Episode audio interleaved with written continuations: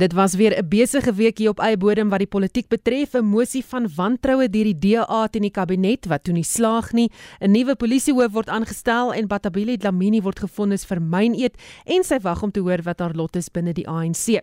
Die oorlog in Oekraïne woed ook steeds voort op die internasionale front. Welkom by Kommentaar vanaand. My naam is Susan Paxton. My gaste vanaand is professor Erwin Schwella, dekaan van die skool vir sosiale innovasie aan die Huguenot College. Goeienaand Erwin. Naam Susan en naam aan al die luisteraars. Professor Dirk Coetzee van die Nissan se departement politieke wetenskap. Goeienaand Dirk. Goeienaand uh, Susan. En Jaco Kleinhan, Solidariteit se woordvoerder oor buitelandse sake. Goeienaand Jaco. Goeienaand Susan, lekker om julle te gesels. Nou kom ons begin uh, in die buiteland met die oorlog in Oekraïne en ek wil graag hê ons moet luister na 'n klankgreep. Dis 'n berig deur BBC se Sasha Schlichte. Ek waarsku ook eers dat dit kan sensitiewe luisteraars ontstel. Dit beskryf die beelde wat agtergelaat is soos wat Russiese troepe die gebiede Bucha, Hostomel en Irpin naby Kiev verlaat. Dit word deur sommiges beskryf as bewyse van oorlogmisdade. Kom ons luister na daai klankgreep. In an angry social media post echoing the Bosnian War, Mikhailo Podolyak speaks of a Srebrenica for the 21st century and says often repeated Western fears that Russia should not be pushed into using barbaric terror tactics with mass rape, executions, and cremations have ironically led to the Russians feeling free to perpetrate those very horrors. Mr. Podolyak pleads for action instead of another summit where Western politicians could shake their heads in disapproval. Today, the world woke up to horrific images on the front pages and social media of mutilated bodies of civilians dumped on the road, their hands tied behind their backs, gunshot holes in their heads, and multiple corpses poking out of a still open grave at a churchyard. Goed, Erwin, kom ons begin by jou. Wat is jou indrukke van hierdie oorlog op hede? Ek het net net begin deur net te sê dat alle oorloë is totaal rampspoedig. En in 'n sekere sin oorlog skep geweld om geweld te skep. En as jy mens nou nog iets daar wil byvoeg, die enigste manier om 'n oorlog te wen is om die oorlog onmiddellik te staak. So dis die konteks. Oorloë is uh, waardeloos en waardevernietigend. En 'n mens kan dit ook sien in die gebeure hier soos dit uitspeel. Ehm um, die berig uh, waaroor nou net uh, gerapporteer is, is 'n aanduiding van hoe hierdie besondere proses diep menslike leed, dood en ehm um, ontwrigting veroorsaak. Uh, en natuurlik is daar altyd 'n poging om albei kante van die saak te stel en 'n mens moet objektief wees. En kom ons neem nou maar vir die oomblik die fokus op uh, oorlogsmisdade. Hier is prima facie aanduidings na my mening van optrede wat nie in terme van die Geneefse konvensie, ander konvensies en die sogenaamde jus bellum, die reg van oorlog geregverdig is nie. Ehm um, en wat op 'n manier gepleeg word ten minste skynbaar ehm um, en met dan nou mense moet altyd versigtig wees vir propaganda, nê. Ehm um, my propaganda is my waarheid, jou propaganda is jou waarheid en as propaganda aan albei kante. Maar hier hier is skynbare prima facie aanduidings van ehm um, aanvalle op burgerlikes uh, 'n inval in Oekraïne deur die uh, Russiese Federasie wat waarskynlik ehm um, so ernstig is dat daar reeds opdragte is en ehm um, uh by die uh, internasionale geregshof in Den Haag reeds ondersoeke is om uiteindelik te lei na die moontlikheid van aanklagte van van oorlogsmisdadigheid. Dus ehm um, die die die die die die die voortdurende skuwe op die oorlogsterrein wat te maak het met uh, strategie en taktik uh vir oorlog en en en uh daar is ook 'n gesegde wat sê oorlog is die eindresultaat wanneer ander politieke middele en onderhandelinge misluk. So dit word eintlik die manier waarop die gestil geskou besleg word maar maar hierdie voortdurende skuwe ehm um, wat plaasvind gee mens uh ook 'n sterk dubbelsinnige aanvoeling. Soms voel dit asof uh die die die russe in beheer kom en uh dan weer vir vir vir 'n uh, geruime tyd nou al veg die Oekraïners terug. En ek dink die finale punt om te maak is wat gebeur as daar hierdie uiters uiters ehm um, ongemaklike situasie ontstaan dat die Russiese belange en veral meneer Putin se behoefte om om sy eie belang uit te speel en en en nie uiteindelik sy reputasie te verloor nie. Ehm um, en ook sy oorlewing binne Rusland self ehm um, op 'n of ander manier te beïnvloed en te bepaal as dit tot baie ernstige verdere ingrepe lei. Ons weet nou al van aanvalle op kernkragsentrale, burgerlike teikens en die uiteindelike uh en en mag ons daarvan behoed word moontlikheid dat daar dan behalwe vir 'n uh, soort van ehm um, baie direkte bombardering van van van van die totale Oekraïne selfs in 'n kernoorlog situasie in beweeg word wat onwaarskynlik is want dit is 'n afskrikmiddel eerder as 'n werklike uh uh uh, uh um, moontlikheid maar as dit sou gebeur dan het ons massiewe probleme. Hmm. Ons sien wel wortels van moontlike onderhandelinge wat besig is om te vorder en mag ons maar die hoop uitspreek dat dit die goeie gevolg gaan hê dat hierdie oorlog tot 'n einde sal kom. Dirk Ja, ek dink wat ons op die oomblik sien is eerstens is nou duidelik dat dit wat die Russe vroeër aangekondig het dat hulle minder gaan fokus op Kiev en die sentrale en en selfs die westelike gedeeltes dan begin terugtrek dat die mense dat dit blykbaar nou besig is om te gebeur.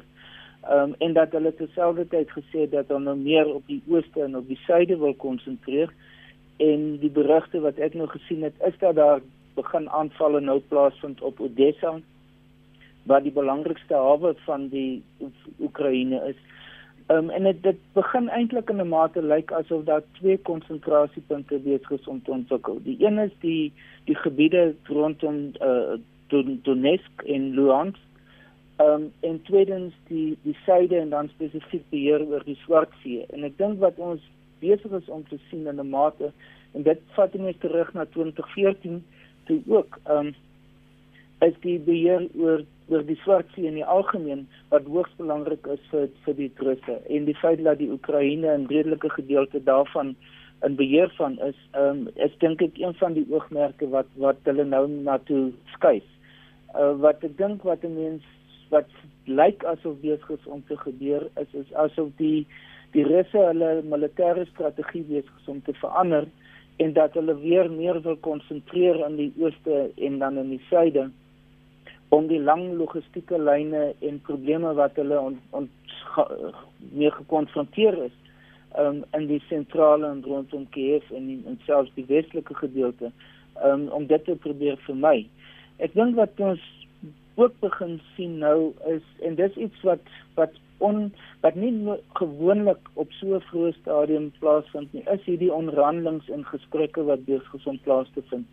En dis iets wat ehm um, relatief uniek is dat dit so vroeg in 'n konflik gebeur. Ehm um, maar ek dink dit is hoogs belangrik en dit gee ons 'n aanduiding van die die gevoel van van van 'n dooie punt wat besig is om te ontwikkel in in die Oekraïne uh, of in die oorlog in die algemeen.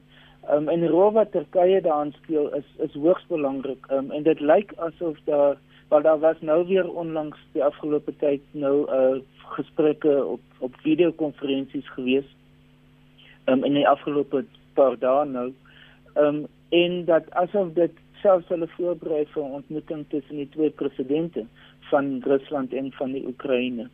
Um, en dat daar die onderhandelinge besig is om stelselmatig te ontwikkel. So ek dink dis iets wat wat ons baie fyn moet dophou. Ehm um, dis natuurlik ook 'n soort van 'n kommentaar op die Suid-Afrikaanse inisiatief wat glad nie van die grond af gekom het nie. Um en hoe die die groot moontlikhede rond wat betrokke is in hierdie konflik eintlik die situasie nou besig is om te hanteer. Jaco Ja, eh uh, dis dan ek dink wat belangrik is hier is uh, vanuit 'n Suid-Afrikaanse perspektief om te verstaan.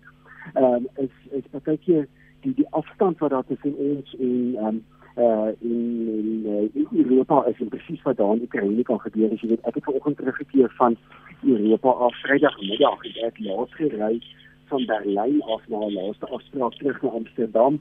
Ehm um, en op die die, die groot snelweg uit Berlyn uit in die rigting van Hannover en ek sien so vir 150 km ek sien elke 10de motor wat jy op die snelweg sien met 'n Oekraïne registrasienommer. Eh uh, dis daardie werklikheid uh, opgrondvlak wat mense in Europa ervaar van vlugtelinge. En dan is daar die geweldige werklikheid van ehm um, inflasie van die vrees oor olie. Ek het vir die eerste keer hierdie afgelope paar dae op hierdie Europese besoek van my uh gesien dat mense skielik nie meer die verhouding in hulle huise aansit nie. Dat kantore geboue as jy daar instap nie al van die koelerige kant is. Ehm um, mense is baie bekommerd. Bekommerd vir die eerste keer in 'n baie lang tyd oor Europa se afhanklikheid van olie, ehm um, van olie en van gas, gas, gas veral wat gedryf word vir verhitting. So daar het deeglike bewustheid daar. Ons het in die afgelope paar dae gesien sommige Europese lande wat inflasie van van bo uh, 10% vir die eerste keer in 40 jaar aangekondig het. So as jy in Europa beweeg, is daar 'n baie sterk solidariteit met Oekraïne. Jy sien dit op stadspleine waar skoolkoortjies sing, waar vlae hang voor munisipale geboue deur Nederland en België en um, ook in Duitsland en uh, jy sien dit in die manier waarop die Europese leiers ten spyte van hulle verskille oor verdediging die afgelope weke bymekaar gekom het en eintlik konsensus bereik het dat Europa meer moet spandeer, meer moet doen vir sy eie verdediging, dat Europa minder afhanklik moet raak van Russiese olie en gas, en dat 'n baie streng sanksies teen Rusland ingestel is. Maar hierdie dinge het gevolge en gevolge hiervan um, is natuurlik dat die wêreld deur hierdie oorlog vir altyd verander is. Of daar môre vrede gesluit word of daar oor 'n week vrede gesluit word, of daar oor 'n maand vrede gesluit word, die werklikheid uh, is dat ons nie meer kan terugkeer na die punt waar ons was voor hierdie oorlog nie. Al is Rusland die grootste land in die wêreld, dit staan hy agste van die wêreld se oppervlakte en het 145 miljoen uh, burgers, um, kan jy nie weer terugkeer na wat was nie. Rusland gaan 'n meer geïsoleerde land wees. Vladimir Putin is absoluut 'n geïsoleerde leier in die wêreld. Daar's nie meer dat hy weer kan saam sit om die tafel saam met ehm um, sisse leiers nie. Ehm um, en mense besef dat dit ehm um, dat dit groot gevolge vir die volgende paar jaar uh, gaan inhou. En dis kom ek sê ek dink dit ons dit hou in die sin 'n bietjie uh, um, afstand. En nie baie keer soos ons die verlede, selfs 'n faktor gesien in die Tweede Wêreldoorlog. Um, baie van die goed Suid-Afrika 'n bietjie verbygegaan het weens ons geografiese afstand. Maar dit ons my interessant vir die afgelope twee weke my ervaring in Europa baie baie direk mense hierdie oorlog direk aan hulle beleef en hoe daar 'n vrees in Europa bestaan onder gewone mense dat die konflik tog uiteindelik ehm um, na die res van Europa kan uitbrei. Iets wat ons eintlik nie dink behoort te gebeur nie. Daar is tog mense so vrees daarvoor en dit is natuurlik omdat dit geografies so naby is, maar dit het ook 'n baie groot hmm. uh, effek op die Europese politiek Susan. So ek ek dink ons moet ehm um, uh, ons moet uh, besef dat dat of daar nou vrede kom of nie, die wêreld is vir altyd verander. Hm. 'n Groot invloed op die Europese politiek in in watter mate? Ja, uh, daar's natuurlik vandag verkiesing gewees in Hongarije. Die stembusse het so 'n uh, bietjie meer as 'n uur terug gesluit. En volgende Sondag is daar die eerste ronde van die presidentsverkiesing in Frankryk. Dit is twee belangrike uh, nasionale verkiesings in Europa.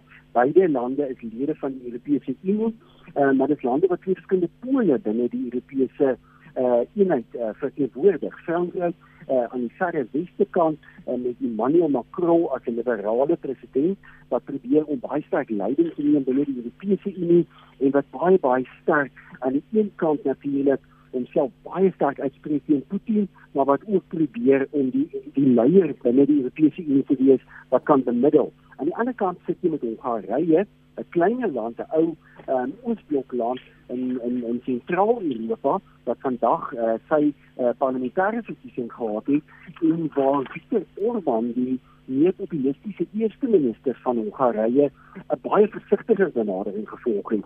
Ja, homself gedistansieer het van die oorlog in Hongarije het as landelike gedistansieer van die oorlog, maar Putin staan nader of uh, Orbán staan nader aan Putin en in Hongarije is as as Europese land baie afhanklik van gasinvoere uit Rusland en hulle het 'n baie versigtige benadering gevolg. Ehm um, jy kan die geografiese ligting, hulle het natuurlik ook die land wat die tweede meeste immigrante tot nou toe ehm um, uh, ontvang het in uh, in daardie streek. En en op beide hierdie verkiesings, vandag se Hongaarse verkiesing en volgende naweek se Franse presidentsverkiesing sien ons dat die oorlog 'n groot effek het. Uiteindelik net in die afgelope week of twee het die Hongaarse verkiesing en Franse verkiesing is die media in beide daardie lande is gedomineer en die verkiesingsdebat het heeltemal gedomeineer deur hierdie oorlog. Hmm. Dirk, wanneer sal die NAVO-lande oorgaan tot aksie? Wat moet Putin doen om hulle te aktiveer? Hy moet eenvoudig aan aanval.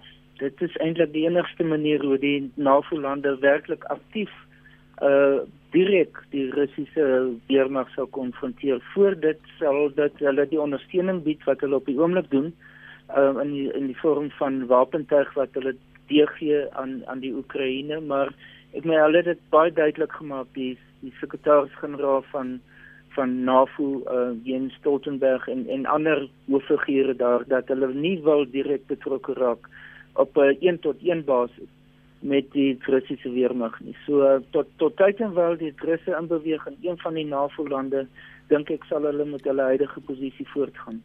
Hmm. En dan Erwin, 'n mooi storie uit Suid-Afrika, as die man wat 52 mense uit Oekraïne gered het met 'n bus, een van daai stories wat jou hart so warm laat klop. Ehm um, dis ook interessant dat dit deel is van 'n klomp sulke stories wat nou aan die lig kom hoe die publiek mense van Oekraïne te hulp snel en uh mense kan dit nie miskyk nie.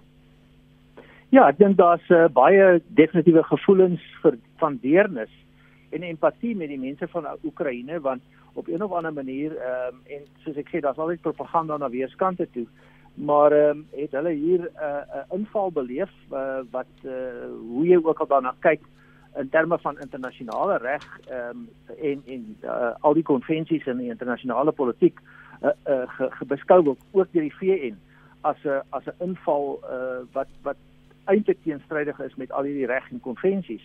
En die groot kwessie is natuurlik nou hierdie goed wat gebeur. Uh uh, uh, uh letterlik uh, 4 miljoen dink ek is die laaste telling vlugtelinge, mense wat met ander woorde um, uit hulle huise is um, in in 'n koue Europese Europese winter. Ehm um, die die die groot uh gevolge van ehm um, bombardemente op op op burgerlike teikens um, en baie hoogsensitiewe tegnologiese teikens soos kernkragsentrale ehm um, die die uh, ontheeming van van vroue en kinders uh, dit is eintlik massiewe menslike gevolge. En 'n mens kan nie anders as om vir die mense baie jammer te voel en en hulle te probeer help nie.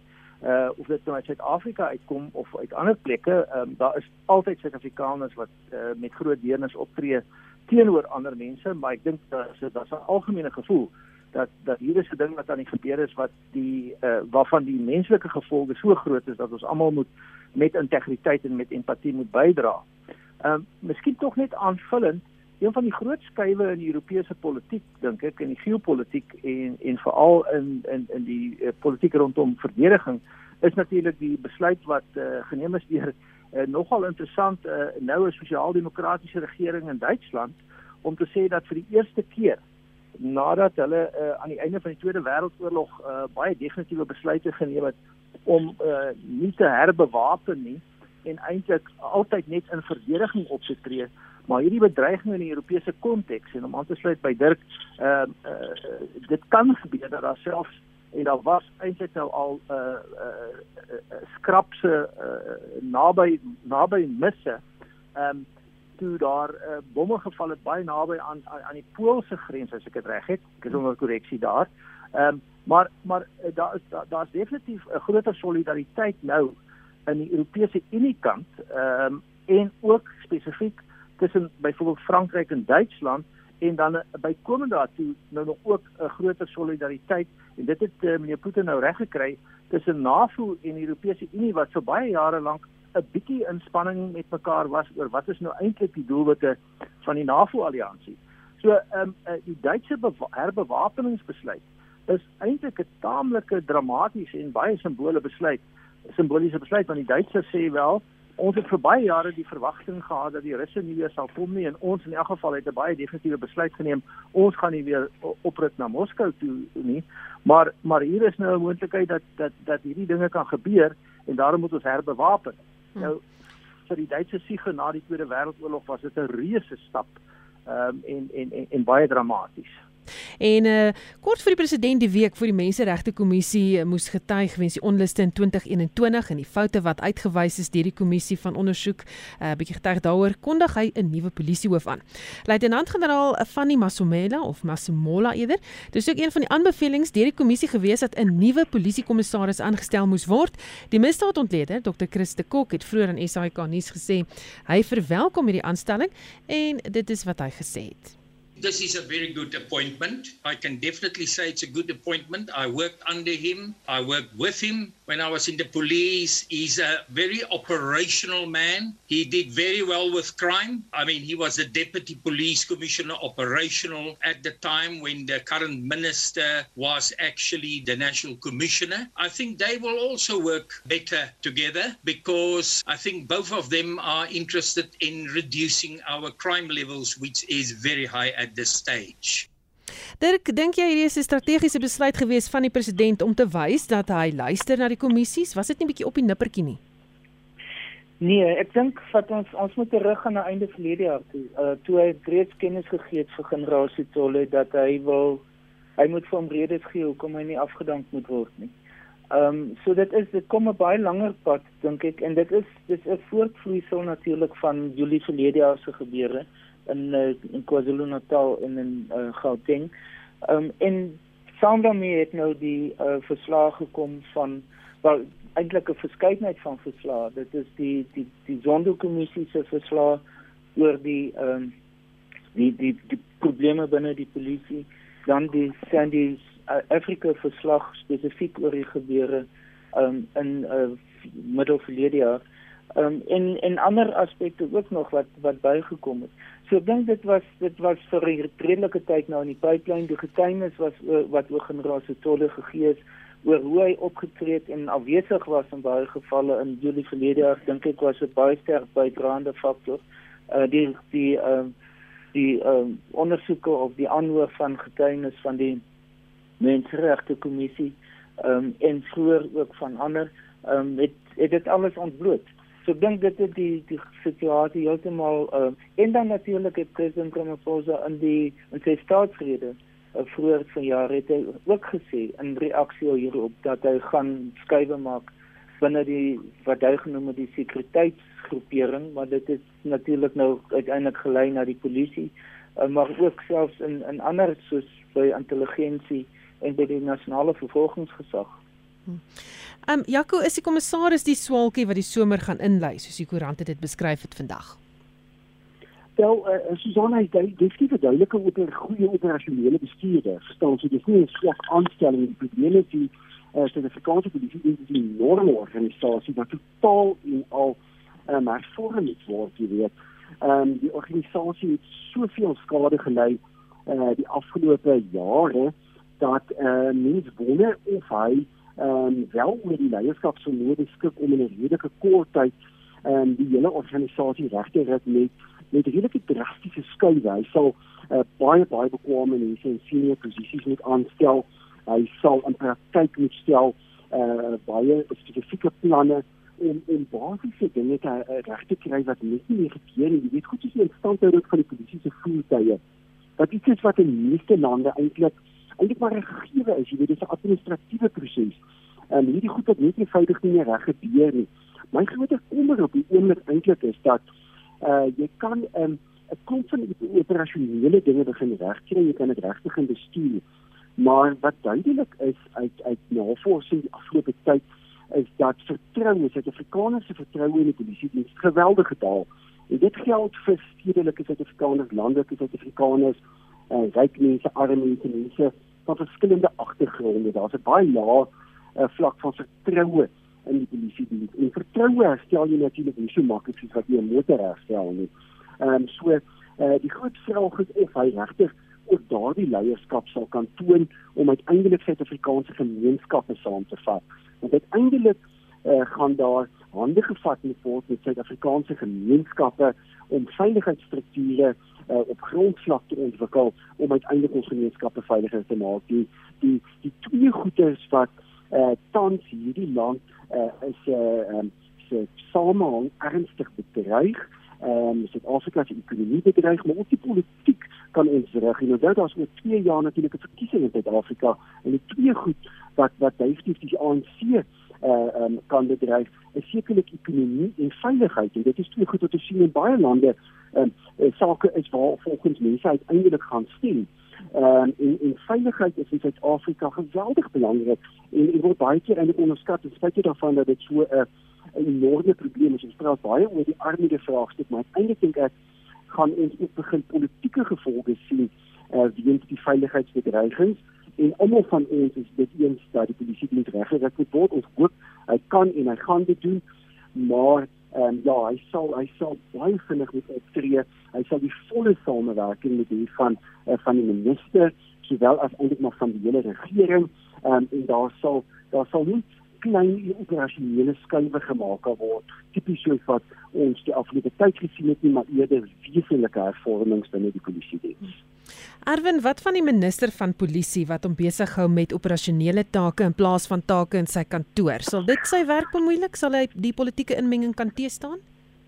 Ek dink uh, die minister se rol is problematies. Die die minister terloops ehm um, generaal Chile uh, wat een van die vorige mislukte kommissarisse was en daar was 'n geskiedenis, daar is geskiedenis van mislukte kommissarisse van die polisie.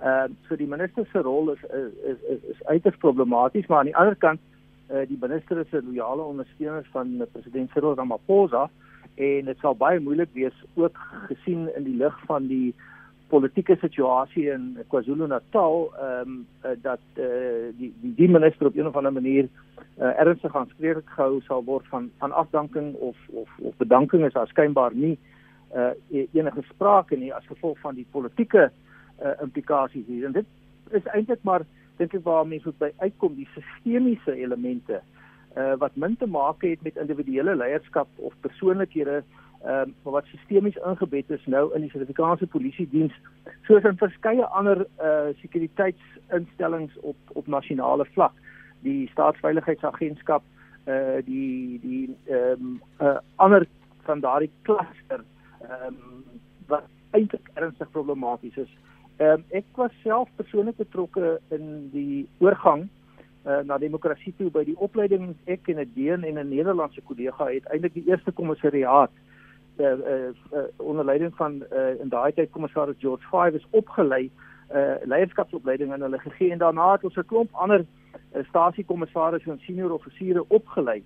En dit het aanvanklik redelik goed gegaan maar oor tyd het daar 'n toksisiteit in ons uh, polisie diens wat op 'n manier mag geword het, ehm um, uh, ingetree. En ek is op rekord en ek gaan nou maar my metafoor hier herhaal. Ehm um, die metafoor is een van die van die van die visse in die in in in die visbak. Ehm um, en as die water toksies is in die visbak, dan help dit nie jy vervang die die visse nie of dit nou leiervisse is of ander visse nie. Jy moet eintlik die toksiese water van ons vaar. Dit beteken jy moet ook die water uitgooi en vervang met ander wa water of jy moet die bak iewers heen skuif sodat die dat die toksisiteit net nie net toeneem nie. Die implikasie is is dat voordat die tonele Hm. Sien nog daar? Uh, nog? Ja. Ja. Ja. Voordat die institusionele dimensies uh van van van van, van hierdie instelling, uh, soos vele ander staatsinstellings gaan verander, gaan ons maar aanmekaar aanhou om om nie net vir die vispak te sit en wat waarskynlik gaan gebeur is dat die visse deur die vis deur die visbak se water vergiftig gaan word. En dan op 'n meer ehm um, kom ons sê uh, teoretiese vlak ehm um, is ek van mening dat uh, dat dat uh, daar's 'n groter waarskynlikheid dat 'n goeie leier wanneer uh, die goeie leier in so 'n uh, toksiese uh, omgewing geplaas word dat die goeie leier uiteindelik kom ons sê dan nou maar swakker vaar as wat die waarskynlikheid is dat die goeie leier die die die die organisasie omkeer. En dan miskien die die die die die die finale punt hieroor vir nou uh, en dit gaan alles oor oor uiteindelik uh, die belangrikste besluit in goeie leierskap en bestuur en dit is die besluit van indiensneming of indiensplasing. En ons het ongelukkige situasie waar daar 'n uh, eh, perverse insentiewe was vir vorige presidente om mense aan te stel in die polisie uh, se top bestuur maar ook die kommissarisse om seker te maak dat hulle hulle kon beheer en van vervolging gevrywaar word. Ehm um, nou dit het nou verander, gelukkig. Uh, maar daar is 'n proses en die proses word voorgeskryf interessant genoeg in die byna vergete nasionale ontwikkelingsplan uh in in die hoofstuk oor oor sekuriteitsdienste wat sê adverteer die pos op basis van 'n uh, van 'n behoorlike posbeskrywing stel 'n onafhanklike kommissie aan skryf uh verskeie aansoekers maak die beste besluit in terme van 'n keuringsbesluit wat die kommissie kan neem. Maak 'n aanbeveling aan die president en maak seker dat die proses deursigtig is. Daar was nou al nader beweeg daan toevallig uh, generaal uh, uh, wel kommissaris George Fivers en en en en ehm um, ehm um, uh, uh, uh, die destydse minister van polisie ehm um, ek vergeet vir die oomblik sy naam van hulle aan dink 'n uh, uh, noue professor in leierskap was op die komitee wat die president nou uh, geadviseer het oor hierdie ding. Maar ons is baie meer maak van onafhanklike verdienstelike aanstellings eerder as kaderontplooiing. Dit sal 'n begin wees in die omdraai van hierdie sistemiese uh, paradokse wat ons het wat uiteindelik lei na uh, toksiese magte wat optree op wyse wat totaal onprofessioneel is en verpolitiseer en populisties is. Hmm. Nog iemand wat uh, Paul in die nuus was is Batabile Dlamini. Sy's gefonnis die week vir my nie. Sy het gekies om die boete te betaal eerder as om tronk toe te gaan. Daar's baie vrae oor hoekom sy nog nie op sy gestaan het van haar posisie binne die party nie. Dis nou die ANC. Die nasionale uitvoerende komitee van die ANC is besig met 'n vergadering wat haar lot na bewering bespreek. Dlamini het vroeër die week aan SAK nuus gesê sy sal op sy staan as sy gevra word en uh, hier is hoe sy dit gestel het. Yes, if I am called to step aside by the officials, I will do so. But also, if the Constitution was very clear on this matter, the resolution of the 54th conference was very clear on the matter. There would be no need for anyone to come and say to me, step aside. Stem van Batabile Dlamini. Nou dit het 'n debat laat ontstaan hoekom sy nie tronk toe gaan nie, maar die vrou wat 800 000 rand op haarself gespandeer het van die 14 miljoen NSFAS geld wat sy uh, um, onregmatig gekry het, uh, sy is wel gevind sonder die opsie van 'n boete. Eerstens kan mens die twee sake vergelyk um, en hoe groot is die politieke invloed hier op wat in die howe gebeur, Jaco? Ja, ek ek dink ehm um, uh aan die dit die een kant uh, of die een vraag is natuurlik 'n regsvraag, 'n vraag oor ehm um, is die hofuitspraak korrek is die ehm um, boekie wat daar opgelê is korrek. Ehm um, en en daaroor kan mense natuurlik van 'n regsperspektief net saaklik ehm um, debatteer. Ek dink dit is uh, net hindig 'n uh, 'n uh, 'n billike vonnis wat daar opgelê is. Die die probleem hierso is die feit dat iemand wat 'n minister was in 'n Suid-Afrikaanse kabinet gelieg het vir die hof. Want dis wat my net beteken, dit was nie vir die hof gelieg. Um, en dit is die eerste keer wat dit gebeur het, dit was self voorheen um, ook al aan soortgelyke misdrywe uh, skuldig gemaak. En spite daarvan ehm um, uh, is hy steeds die uh, in 'n senior posisie binne die ANC, sy is leier van die van die Vroueliga. Ehm um, en dit sê duidelik iets oor die uh kultuur wat toegelaat word binne die ANC waaroor ons al uh, soveel keer die afgelope afgelope tye gepraat het. So die vraag hier my insiens nie noodwendig is ja, is die boete van 200 000 rand wat deur die hof opgelees, ehm uh, groot genoeg of is dit nie of moet daar vergelyking getref word met 'n uh, vrou wat verkeerdelik uh, bestuurgeld fondse gekry het nie. Die vraag is eerder wie is hierdie persoon en uh, wat is haar posisie? En die feit is is dat uitminister Delamini uh, 'n magtige persoon is vanuit haar hoë vlak betrokkenheid binne binne die ANC die um, invloed wat sy nog steeds het binne die Suid-Afrikaanse politiek. Um, en hoe dit uiteindelik uitspeel want uh, dit wat sy doen en dit waarmee sy besig is ehm um, uh, gebeur nie in isolasie nie. Daar het um, ernstige uh, foute plaasgevind met die, die maatskaplike toelaat in 2017 en sy het eenvoudig vir die hof daaroor gelieg dit is die soort van ding wat die sosiale samehang in Suid-Afrika ernstig bedreig um, en dit is die soort van goed wat in die toekoms in ons land um, uh, tot baie konflik aanleiding kan gee. So as die president um, en die leierskap van die ANC ernstig is um, om korrupsie te bestry soos wat hulle ook sê soos wat ons die afgelope tyd nog dit ons hoor, dan moet ons regtig hoop dat daar van uit die ANC teen lanie opgetree sal word. Dirk, wat is haar rol in die ANC? Hoekom is sy oënskynlik onaantastbaar? nie ding is is onaantastbaar nie, maar wat daar in 'n baie sterk posisie geplaas is, oh, en nog steeds waar hy nou is is die feit dat hy president van die vroue liga is.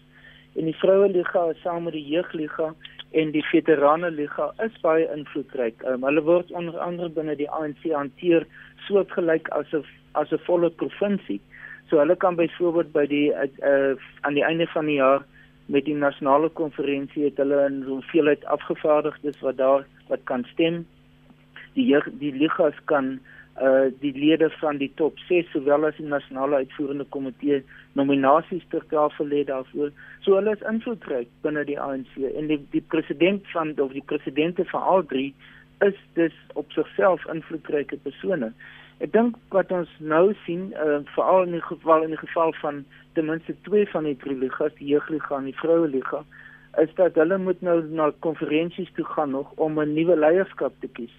Um en daar's nou baie debatvoering natuurlik aan die gang oor wie die die kandidaat daar moet wees en daar is baie sterk sprake in dat veral nou na die uit na hierdie uitspraak en vonnisoplegging dat eh uh, Patabili Plamini waarskynlik in groot mate gediskwalifiseer word om weer te kan staan as kandidaat maar dit sal ons moet sien tot watter mate dit werklik die geval gaan wees. Ehm um, sy was in die verlede het sy baie duidelik uitgespreek ten gunste van president Zuma en die die Zuma groepering in die algemeen en wat ons die afgelope tyd sien wat president Ramaphosa doen, hy is besig om die ANC te herstruktureer. Um, en te herstruktureer op 'n manier sodat hy uiteindelik sowel in die provinsies as in die uh, die ligas um, sy eie persone uiteindelik in in die sterk posisies in die invloedryke posisies daar sal hê. So die kans is baie goed dat sy dat daar 'n proses gaan wees en ons het gehoor van die moontlikheid om 'n taakspan saam te stel dat daar 'n groepering is rondom die vorige president van die van die vroue liga Angie Motshekga die minister van basiese onderwys um, dat daar moontlike inisiatief rondom dit besig is om te ontwikkel um, maar uiteindelik is dit gaan daar definitief 'n baie sterk beweging wees um, sodat sy nie erkies kan word as as president president van die jeugliga nie.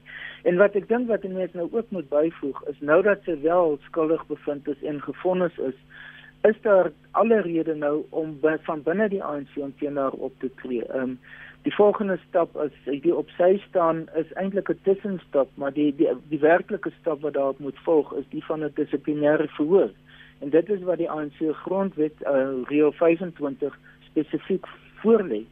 Ehm um, is dat as 'n persoon skuldig bevind is van 'n kriminele oortreding en dit is wat dit is, ehm um, moet so 'n persoon deur 'n dissiplinêre proses gaan wat verskillende moontlikhede het. Ehm um, een daarvan is dat so 'n persoon geskort kan word as lid van die ANC. So dit is alles moontlikhede wat ons nou moet dophou wat in die toekoms waarskynlik gaan plaasvind. Hmm.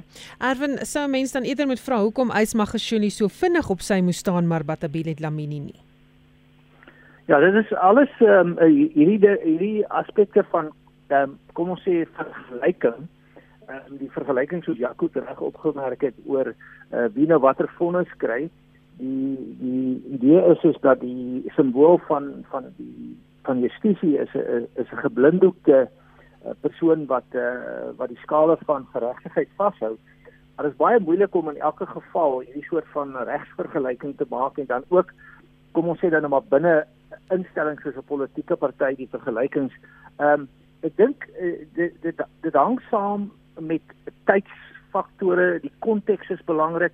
Ehm um, uh, meneer Magashule ehm um, op sy eie manier was uh, was was in 'n sekere sin baie meer uitgesproke ehm um, en ook kontroversieel ehm um, met wat hy alles gedo gedoen het ehm um, sy verskyning vir die Zondo-kommissie het in 'n sekere sin uh, daai idees bevestig. So uh, die vergelyking is net moeilik. Ehm um, kom ons kyk dan net na ehm um, uh, oud-minister Batlabile Lamini self. Uh, sy, sy is uh, soos reeds gesê is vroeër skuldig bevind aan uh, aan 'n misdaad um, en 'n opgeskorte vonnis opgelê uh, uh, uh vir die van ons wat uh die geheue net om nie net die geheue te verfris. Dit was nou die destydse reisskandaal waar parlementêre parlementariërs uh geld geëis het vir reise op 'n onwettige en onregmatige manier waarop hulle nie geregtig was nie. Nou daar's 'n element van oneerlikheid in. Ehm um, en nou het ons hier 'n situasie waar sy aan aan myn eet formeel ehm um, beskul van beskuldig was en skuldig bevind is en daar's weer 'n um, element van oneerlikheid en leenagtigheid in. Ehm um, dit lyk my asof sy uh, probeer om die verweer op te werk dat dit is nou nie dinge wat noodwendig te maak het met finansiële nadeel of korrupsie nie. Ehm um, en dat daar 'n fyn onderskeiding daar kan kom wat weer eens dan nou die situasie op 'n bepaalde manier kan beïnvloed of vloei. Ehm um, ek dink die belangrike ding is is dat uh eerstens onder sulke omstandighede in volwasse demokratieë waar daar behoorlike verantwoording is en waar veral die media ehm um, 'n baie besondere rol speel om hierdie goed uit te lig en 'n ingeligte openbare mening wat daar ook nie so 'n verknogtheid aan aan aan jou jou politieke standpunte is nie. Met ander woorde waar mense hulle mening verander op grond van oneerlikheid, korrupsie, swak dienslewering, sal hierdie mense nie eintlik eers 'n kans gegee word om te besluit of uh uh of hulle uh wat die instellings sê of hulle hulle gaan gaan uh um ontneem van hulle bevoegdhede binne die party nie. Hulle sal self bedank. Hulle behoort ook self te bedank. Maar dis nou nie die situasie in Suid-Afrika nie. Ons is uniek in die verband. Uh mense hou aan vir so lank as hulle kan. Uh uh, gebruik self die howe om om om die regstaat te te ontduik en en en en bly net aan. Ehm um, en ek dink dis dis dan die punt om te maak is sy sal so lank as moontlik uh, bly waar sy is. Uh, dit is so soos Dirk reg uitgewys het dat die dat die ligas uh, ook die veterane liga, die jeugliga en die vroue liga is onder groot druk. Hulle word swak bestuur. Dis interessant dat dat dat dat die party wat die land bestuur nie eintlik die party kan bestuur nie. Ehm um, dit word ook bevestig deur hulle ernstige probleme met uh, met hulle met hulle inkomste stelsel alhoewel die die Suid-Afrikaanse inkomste diens nie wil sê wat die situasie is nie, maar daar's baie duidelike aanwysings dat in alle opsigte word die party swak bestuur. Ehm um, en onder die omstandighede sou mense dan eintlik verwag dat daar groot pogings moet wees om professionele benaderings tot partybestuur uh, te kry en behoorlik op te tree, maar as dit verpolitiseer is in faksiegevegte, dan is selfs die president in 'n soort van 'n paradoksale dilemma. En moet hy sy bes probeer om na alle kante toe uh op te tree op strategiese en taktiese wyse om sy posisie te bou. Uh dis um ek is redelik seker dat dit die einde van die politieke loopbaan is van uh, uh oud-minister Patlebile Dlamini, maar dat dit uh, nog 'n paar rondes sal neem voordat die finale uitklop hou geplan word. Uh, dit is nou ook so en dit gaan verdere skade doen. Ehm um, ons het reeds gesien hoe die hoe die mense onder leiding van uh, meneer Karel Neas opgetree het om haar weer te ondersteun wat maar net bevestiging is van die politieke dilemma's waarbinne die party verkeer wat dan op die ouente impak het op, ook op wat hulle in regering doen of nie doen nie. En ehm um, uiteindelik behoort ons uh, kiesers volwasse te wees om op te tree op maniere wat hulle aanspreeklik sal hou Ehm um, dit word toenemend waar, maar is nog steeds maar 'n droom wat uh, wat ons hoop sal realiseer op 'n stadium. Die nuwe Mpumalanga ANC leierskap wat die naweek verkies is, is uh, het ook die tonge aan die klap met uh, want die tesourier wat verkies is, Mandla Msebi, voormalige ALR vir landbou, staan nog reg op aanklagte van moord. Hy kan nie sy posisie inneem voor die saak nie afgehandel is nie en die nuwe voorsitter, Mandla Ndlovu, is glo deel van die RET faksie. Nou wat voorspel dit vir die ANC se leierskapskonferensie in Desember wat Paul Mashatile klaar verklaar het herlewing van die ANC sal wees en nie sy ondergang nie, Dirk? Ja, ek dink dat Mpumalanga is, is een van die provinsies wat relatief problematies was want sedert 2015 het hulle nog nie 'n verkiesing gehad nie. 2017 het uh, die huidige adjunkpresident uh, David Mabuza het, het hy uit, uit die pos uit om adjunkpresident te word. Um, en was daar groeperings wat uh, van leierskap wat dit in die tussentyd uh, opgevolg het. Um, daar was ook soort van faksies wat ontwikkel het rondom David Mabuza wat nou uit die provinsie uit was, maar nog steeds probeer het om die provinsie te probeer te bestuur en sy ondersteuners dan in die sterk posisies te plaas en die nuwe premier Refilwe met Mtheni Tsipani wat uh, aanvanklik deel van sy groepering was en toe heeltemal wegbeweeg het. Wat ons nou gesien het met die verkiesing, ehm um, is dat Mandland Lobo wat die sekretaris, die provinsiale sekretaris was in die Mabuza era, ehm um, dat hy oor tyd die Mabuza mense begin uitwerk het. Ehm um, en dat hy glad nie meer deel van die Mabuza David Mabuza groepering is nie. Ehm um, en dat hy ook uh, wegbeweeg het van die RET groepering. Ehm um, so hy is self het homself breed in die openbaar nou uitgespreek reeds ten gunste van ondersteuning van president uh, Ramaphosa en vir die verkiesing aan die einde van die jaar. Ehm um, en die meeste van die ander, daar's nou twee faksies en hulle het ander name as wat ons van gewoond is. Dis nou spesifiek in in Mpumalanga, dis die sogenaamde Focus faksie wat on, wat die faksie van Globo is, Mandland Globo en dat die P faksie wat eintlik die Pro Mabuza faksie is. Ehm um, die die Focus faksie het al behalwe vir die een en dit is nou vir ehm um, ehm um, CB het die ander vyf posisies gekry. So wat dit, dit op neerkom is dat president Ramaphosa eintlik 'n skoonskip gemaak het in Mpumalanga en dat die meeste van die provinsiale leierskap dus direk vir hom ondersteun.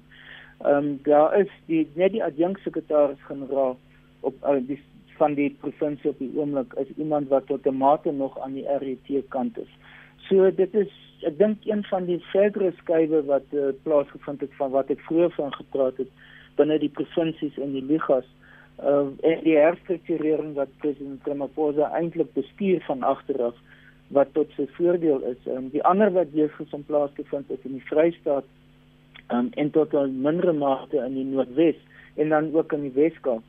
So dit is as jy net na alles dit gelyk saam kyk, dan is dit die rede hoekom president Ramaphosa nou in so 'n sterk posisie is. Jaco Ja, ek wil absoluut daarby aansluit. Ek dink uh, ons sien minder rede om te glo dat uh, president Ramaphosa suksesvol uitgedaag geword einde van die jaar daar's natuurlik baie dinge wat nog kan verander. Ehm um, maar dit lyk nie op hierdie stadium uh, na die ehm um, na die grootste eh uh, moontlike veranderlike of of uitdagings binne die ANC nie wat wel duidelik is in die Mpumalanga konferensie die naweek het dit baie duidelik ook bevestig is dat die ANC se strukture in absolute chaos verkeer. Die takstrukture het die afgelope paar jare in duie begin stort daar's daar's eintlik regtig in party provinsies soos Mpumalanga nie behoorlike funksionering van takstrukture nie. Daar's geweldige uh, faksievorming. Die faksievorming is in baie gevalle uh uh nog wat meer ontwikkeld of meer kompleks as die uh die historiese verdeling wat ons gehad het tussen 'n REP faksie en 'n Ramaphosa faksie. Faksies lyk nou in verskillende provinsies verskillend. Um en en dit is uh, typerend van 'n organisasie wat onder enorme druk verkeer. 'n Organisasie wat oor 2 jaar van nou na die stembus moet gaan in 'n nasionale verkiesing waar ons 'n hoë stempersentasie gaan sien as tydens hierdie jaar se munisipale verkiesing. Um, en waar die bedreiging duidelik uh, wesentlik is vir die ANC om minder as 5% van die stemme te kry. So, uh, uh, daar is groot stryd rondom posisies en um, daar's vreese vir verlies aan mag, nie net nasionaal nie, maar ook provinsiaal. En die provinsiale kongresse word natuurlik daardie ehm uh, uh, uh, dit is die eienskappe wat ons sien van wat afspeel by by hierdie kongresgeleenthede. Interessant, ek ek kan dit net vinnig byvoeg, uh, dis dan as jy my toelaat en dit is weer te verwysing na my besoek die afgelope twee weke aan Europa waar ek ook interessant met Europese politici gepraat het oor die Suid-Afrikaanse politiek en waar daar interessant uh, duidelik in die buiteland bewustheid daarvan is dat die ANC groot interne moeilikheid het en dat die die politiek in Suid-Afrika meer vloeibaar raak in aanloop tot die 2024 verkiesing. Dit is iets wat duidelik van uit Suid-Afrika deur ambassades gerapporteer word dat op ander maniere deur buitelandse regerings soos in die Europese Parlement uh, raak gesien word en ek dink dit is die fase waarin ons tans ingaan en aanloop tot die ANC se konferensie einde van die jaar maar ook in aanloop tot 'n nasionale verkiesing in 2024 wat nou nie meer so ver weg is nie. Arwen Ja, ek dink um, um, ons plaas dit was klem op die op die faksies uh, binne die ANC. Ehm um, en daar is nou ook al 'n verskeidenheid uh, van faksies en wat uh, die die die vorige ontleding deur my twee kollegas is, is so uh, insigryk en en gefundeerd dat ek nie vreeslik daarop te hulle sal reageer nie. Ek dink uh, dit is goed gestel.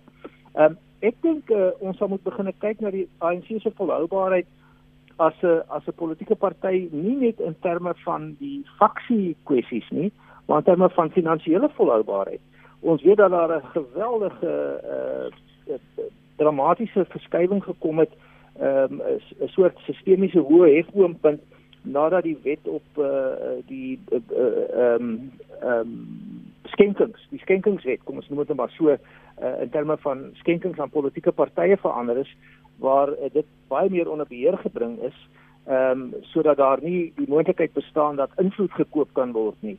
Nou die implikasie is dat uh, die ANC uh, kry uh, nog steeds uh, en met die ANC se se krimping en steen kom daar minder uh, geld uit die statutêre fondse en die waarskynlikheid is is dat indien die ANC soos uh, voorspel word onder 50% van die nasionale uh, uh, kiesers uh, steun kry in die volgende provinsiale en algemene verkiesings dan word daai getalle tensy die wet weer gewysig word nê die die die wet op die befondsing van politieke partye word daai daai geldelike strome al hoe minder dit is nou 'n uh, 'n uh, 'n uh, besondere krisis vir die ANC want uh, as gevolg van die jongste wysiging in die wet ehm um, is daar baie groot skenkings wat nie na die party toe vloei nie. In die tweede instansie ehm um, is die party in ernstige moeilikheid finansiëel in terme van uh, wat die Suid-Afrikaanse inkomste diens van hulle verwag.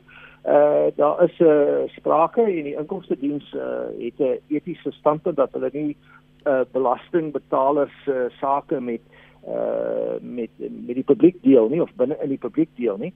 Maar as andersins van eh uh, bykans uh, uh, 110 miljoen rand se se skuld aan die aan die aan die, aan die inkomste diens. Nou ons weet wat gebeur as jy die inkomste diens geld skuld uh, op 'n of ander manier tree hulle baie ernstig teen jou op. Ehm um, ja, hulle hoef nou nie noodwendig dit bekend te maak nie, maar hulle gaan op die ou end hulle geld by jou kom haal. Uh, hulle het 'n manier om bloed uit 'n klip uit te stap. Ehm um, en ons moet kyk of hulle konsekwent optree, maar ek vermoed hulle gaan. Ehm um, en dan het ons nou die hele idee van die ANC se salarisrekening wat uh, by herhaling uh, in 'n situasie beland waar die salarisrekening nie betaal nie. Nou hier ontwikkel 'n waarskynlikheid en dit sou 'n interessante uh, soort van regs en, en, en, politieke um, kwessie word dat die ANC as 'n politieke party dalk uh, in likwidasie geplaas word. Nou wat is dan die impak op hulle vermoë om nie net verkiesings te organiseer uh, te beveg en te wen nie, maar om om om om om die partykantore in stand te hou. Ehm um, en uiteindelik uh, om op een of ander manier hulle veldtogte te voer. En ehm um, eintlik dan ook uh, die die implikasie vir hulle vir, vir hulle vir hulle verkiesingskonferensies. So ek dink ehm um, daar sal ook 'n verdere stel ontledings moet begin plaasvind rondom die ANC se benarde finansiële posisie wat soos ek gesê het uh, dit nie ondenkbaar is dat hulle op een of ander manier ehm um, gaan beland in 'n skuldstrik waar hulle doodgewoon ehm um, byna gedekodeer sal word. Ek is nie heeltemal seker van die regsposisie nie, is nogal tegnies, maar gestel nou maar jy likwideer die ANC 'n politieke party, kan hulle dan nog optree? Bestaan hulle nog as 'n politieke party? Dis dalk dinge waaroor ek en Dirk en en Jaco en 'n paar uh, van ons van ons regsgeleerde ehm um, ehm um, vriende moet gaan begin dink, want as dit gebeur dan is die gevolge vir die ANC net nog verder rampspoed en verskuif die die fokus 'n bietjie weg uh van die faksies wat 'n belangrike fokus is, maar hulle het nou beland in 'n situasie dat hulle baie baie binnekort waarskynlik net ehm um, op die rand van bankrotskap sal wees en selfs insolvent verklaar kan. Hmm. So hierdie uur het nou gevlieg. Ons het so net oor die 5 minute oor om te gesels. Ek het nog so een kwessie wat ek nou wil kyk. Die mosie van wantroue het die DA in die kabinet hierdie afgelope week uh, nie geslaag nie. Die DA het aanvanklik ook gevra dat die kabinetslede self nie mag deelneem aan die stemmery nie. Die mosie was nou nie geslaag nie. Hier is wat die leier van die DA, John Steenhuisen, na afloop van die gebeure gesê het. The reality is we're going to keep the pressure up on Mr. Ramaphosa to get rid of this poverty cabinet and replace it with a smaller trim down cabinet that's actually more focused on getting the work done in South Africa. As I made the point yesterday, a country like Argentina has 21 cabinet members of the cabinet, China has 21 members of the cabinet. We've got 38 plus deputy ministers, people who are occupying executive office in South Africa, and yet we're not beating poverty, we're not beating unemployment, and we're not beating hunger. Nou dis dis ideale John Steenhuisen. Julle elkeen so minuut. Ehm um, gewoonlik is 'n mosie van wantroue teen die president die afgelope ruk. Wat is julle indrukke dat dit die keer teen die kabinet is, Jaco? Ja, ons het eintlik uh, loop het nog vermoed dat dit nie gaan slaag nie, weet. Ehm uh, die argumente teen wat die kabinet doen wat nie werk nie, uh uh, is heeltemal korrek. John Steenhuisen het verkeerd in sy argumente nie, maar die werklikheid bly dat die beste manier om 'n kabinet te vervang is deur 'n verkiesing en uh daar wil mense in 'n mate uh, terugverwys hierdie saak na die oppositiepartye en vir hulle sê wel kry julle huis in orde um, sodat julle 'n goeie argument aan kiesers kan bied oor 2 jaar van nou af wanneer daar 'n parlementêre verkiesing moet plaasvind.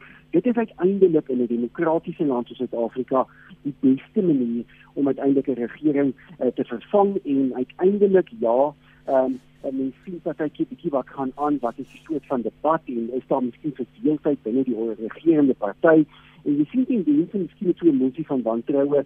Uiteindelik is dit uh ek het nie net dink op hierdie stadium die oplossing uh op die die uitdagings in Suid-Afrika nie wat ons werklik uh uh nou kyk is is is uh is Suid-Afrika die soort van volwasse demokrasie waarin kiesers kan besluit dat ons nie tevrede met die regering nie en daarvoor stem ons 'n ander regering nie.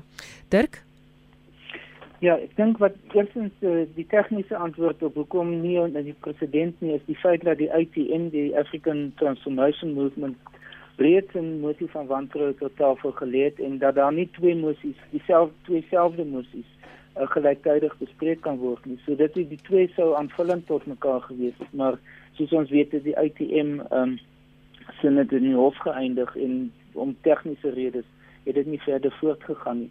Ek dink in die geval van van uh, dit was voorspelbaar omdat die ANC 57% van die lede van die parlement het die nasionale vergadering dat hulle die mosie sou wen uh, of dat die mosie nie aanvaar sou word nie. So die die idee van 'n mosie van wantroue werk net wanneer daar veranderings binne die regerende party of die meerderheidsparty se ondersteuning vir hulle leier plaasvind. Um, en dit wat mense sien in ander stelsels um, wat eintlik parlementêre stelsels is. Dit is baie uniek vir Suid-Afrika in die sin dat daar 'n motie van wantroue moontlik is teen 'n president in die parlement en in presidensiële stelsels waar die president direk verkose is, is dit nie moontlik nie en is net impeachment moontlik. In ons geval is albei moontlik. Maar ek dink wat dit eintlik op neergekom het is dat die die oppositiepartye en spesifiek die DA wou 'n geleentheid hê om hulle self te artikuleer oor die verskillende probleme dat hulle weer 'n geleentheid gehad het om om oor alles te kom praat. Um, en so 'n debat en 'n motie van wantroue is gewoonlik die plek waar mense dit kan doen. Baie dankie en dit dan kommentaar ons tyd is verstreke. Baie dankie aan my gaste vanaand. Dit was professor Erwin Swela, dekaan van die skool vir sosiale innovasie aan die Huguenot College. Professor Dirk Coetzee van die NISA se departement politieke wetenskap wat laaste aan die woord was en Jaco Kleinhans, solidariteit se woordvoerder oor buitelandse sake. My naam is Susan Paxton. Geniet die res van jou aand in die geselskap van RSG.